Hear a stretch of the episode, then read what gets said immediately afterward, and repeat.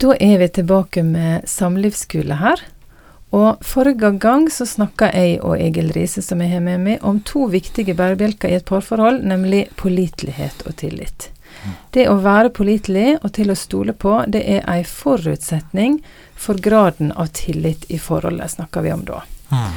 Og vi skal fortsette å snakke litt om tillit i dag, Egil. Og du sier det sånn at tillit kommer av vennskap. Ja. Det er en veldig viktig del av det å være til å stole på, det er at man eh, opptrer som en, den andres gode venn. Og nære fortrolige. Mm. Eh, og det, når man gjør det, så lager det et overskudd i forholdet. Mm. Et emosjonelt overskudd som gjør at når det kommer vanskeligheter, så ser man det på en litt eh, mer positiv måte. Man havner ikke så lett i grøfter og føler seg alene, men man har lettere, særlig når man skal reparere etter en vanskelig prat eller noe, hendelse, så har man lettere for å komme på at vi er jo egentlig gode venner. Men Gottmann, eh, han så jo på dette når han studerte par i 40 år.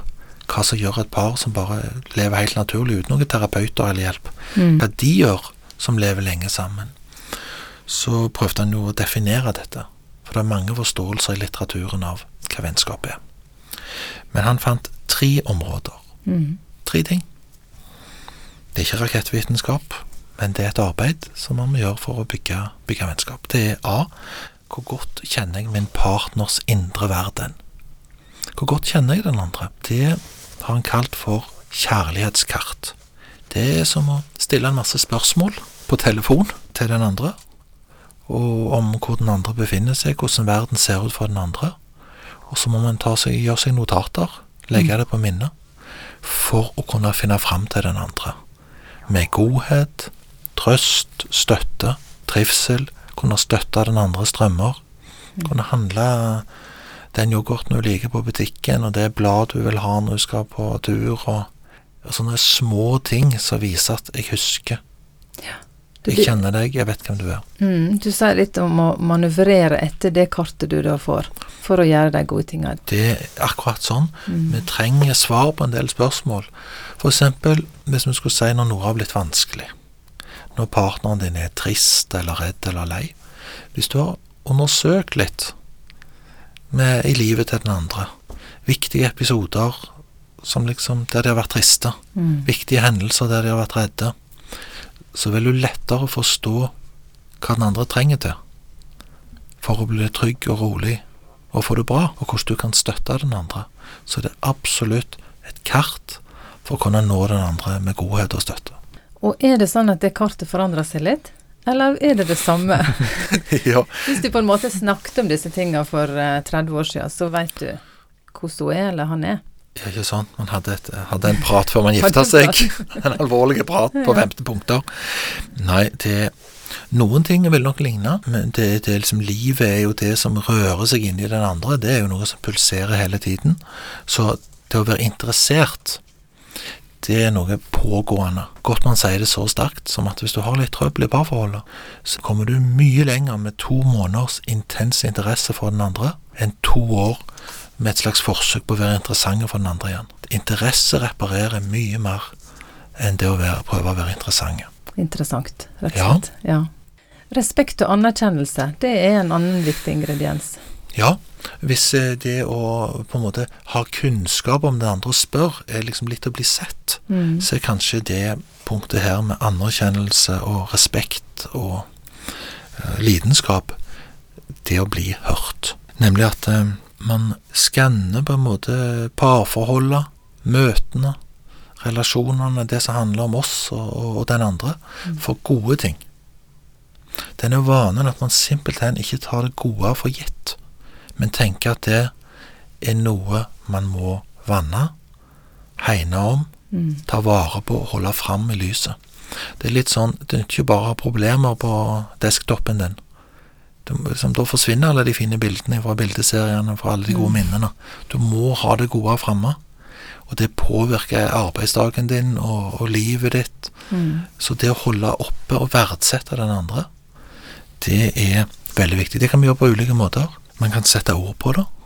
ja, uttrykket kan man sette pris på. Ting man har sett, måten den andre var med barna i dag, eller at de gjorde noe kjempefint, eller at den andre har gjort en tjeneste, eller Mm. at det var godt når den andre tok på meg sånn, eller at jeg så hvordan andre var med andre, var hjelpsom. Egenskaper ved den andre man beundrer, må man gjerne si.